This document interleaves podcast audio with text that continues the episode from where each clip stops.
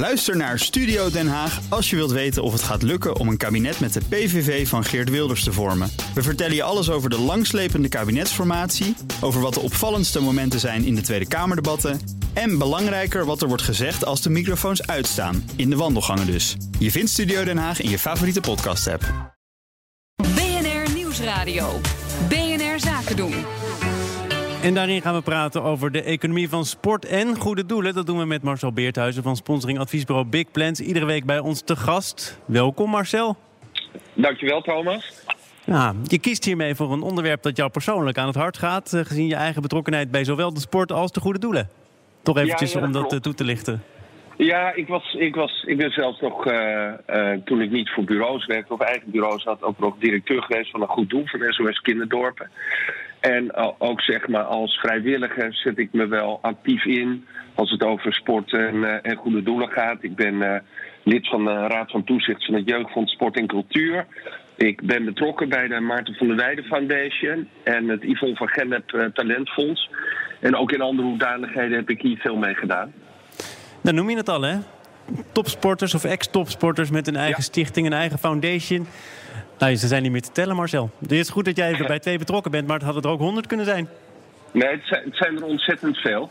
Eh, Johan Cruijff is er ooit mee begonnen in Nederland. Een beetje ook naar internationaal voorbeeld. Hij zag dat Michael Jordan in Amerika zo'n eigen foundation had. En ook Frans Beckenbauer had in die tijd al een eigen stieftoe. En Cruijff, eh, die zich wel altijd bezig hield met eh, wat er om hem heen in de maatschappij gebeurde, wilde dat ook. Ja, en hij is de wegbereider geweest voor heel veel eh, stichtingen op dit terrein. En nu bijna iedere topsporter die heeft wel zijn eigen stichting op allerlei En wat doen die topsporters daarmee? Want ze hebben natuurlijk allemaal hun naam aan die foundation verbonden. Maar of dat nou ook meteen betekent dat ze bij het dagelijkse rijlen en zeilen van die foundation betrokken zijn, dat is denk ik vers 2. Nou, dat is wel vaak het geval hoor. Soms komt het voor uit, eh, uit eh, eh, zeg maar directe betrokkenheid. Hè, zoals bij Edwin van der Sar. Zijn vrouw heeft een ziekte gehad en daar heeft hij zijn eigen stichting opgericht. Eh, Giovanni van Bronckhorst heeft gezien dat in Rotterdam heel veel kinderen die van de basisschool komen achterstand hebben op het gebied van, eh, van geletterdheid. Hè, die dus laag geletterd zijn en die heeft daar een programma voor ontwikkeld. En nou, dat is zijn directe omgeving, Rotterdam en omstreken. Ja, Maarten van der Weijden is een zwemmer en, en, Ja. die, eh, en die heeft zelf kanker gehad en die zet zich op die manier daarvoor in. En die wil eigenlijk de, de kracht en zijn uitstraling en ook de tocht die hij, eh, eh, die hij verricht eh, inzetten om heel veel geld op, op te halen voor onderzoek. Eh, nu zijn er ook los van die foundations goede doelen die gerelateerd zijn aan sport. Dan moet je me toch even wat voorbeelden noemen en, en waarom dat een interessante combinatie is. Nou, Right to Play is een hele bekende van Johan Ja. Olaf Kos. Je ziet bij de KNVB bijvoorbeeld dat die een programma hebben dat World Coaches heet. Zij zetten de kennis van coaches in, eh, in internationale gebieden, eh, met name in eh, ontwikkelingslanden. Ehm, en daar gebruiken ze voetbal of sport als middel om kinderen heel vaak, gaat het dan over, life skills heet dat, over te brengen. Dus eh, bijvoorbeeld dat je je handen moet wassen of dat je naar het toilet moet gaan of eh, hoe, hoe je om moet gaan in een groep. En dan blijkt dat sport een heel goede manier is om, om dat soort skills over te brengen. En ook eh, jongeren op andere gedachten te brengen. Nou, daar zijn verschillende programma's tussen. maar ook in Nederland heb je zoiets als Stichting Life Goals. Die sport gebruikt om kwetsbare mensen bijvoorbeeld weer terug te helpen op de arbeidsmarkt. Ja, is het ook imago-verbeterend om je in te zetten voor eh, dit soort goede doelen? Want ik vraag me soms af of dat, dat nou een intrinsieke motivatie is... of dat het meer is gelegen in het feit ehm, dat we daardoor een beter imago krijgen. Nou ja, het ligt een beetje aan om wie dat dan gaat. Eh, Heel veel bedrijven die dit doen, die doen dit om zich maatschappelijk betrokken te tonen. Omdat de gemeenschap dat van ze verlangt, omdat consumenten dat van ze verlangen, omdat medewerkers heel belangrijk dat van ze verlangen.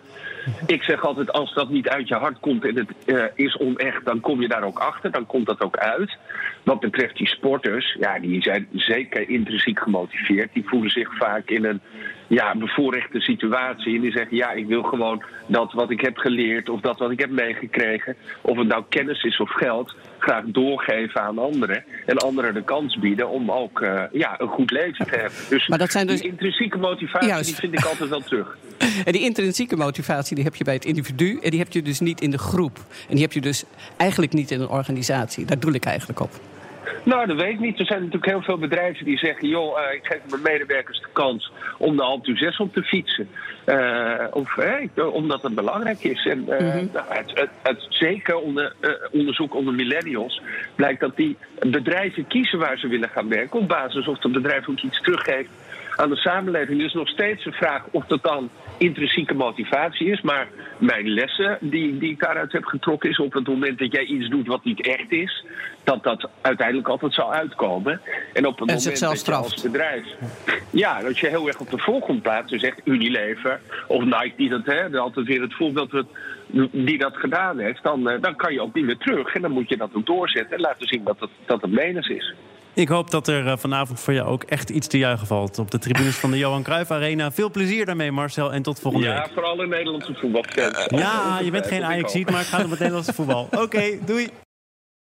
Ook Liesbeth Staats vind je in de BNR-app. Ja, heel handig. Luister live naar Kees en mij tijdens de Daily Move. Dan blijf je ook gelijk op de hoogte van breaking news en het laatste zakelijke nieuws. En daar vind je ook alle BNR-podcasts, waaronder de Perestrooikast. Download nu de gratis BNR-app en blijf scherp.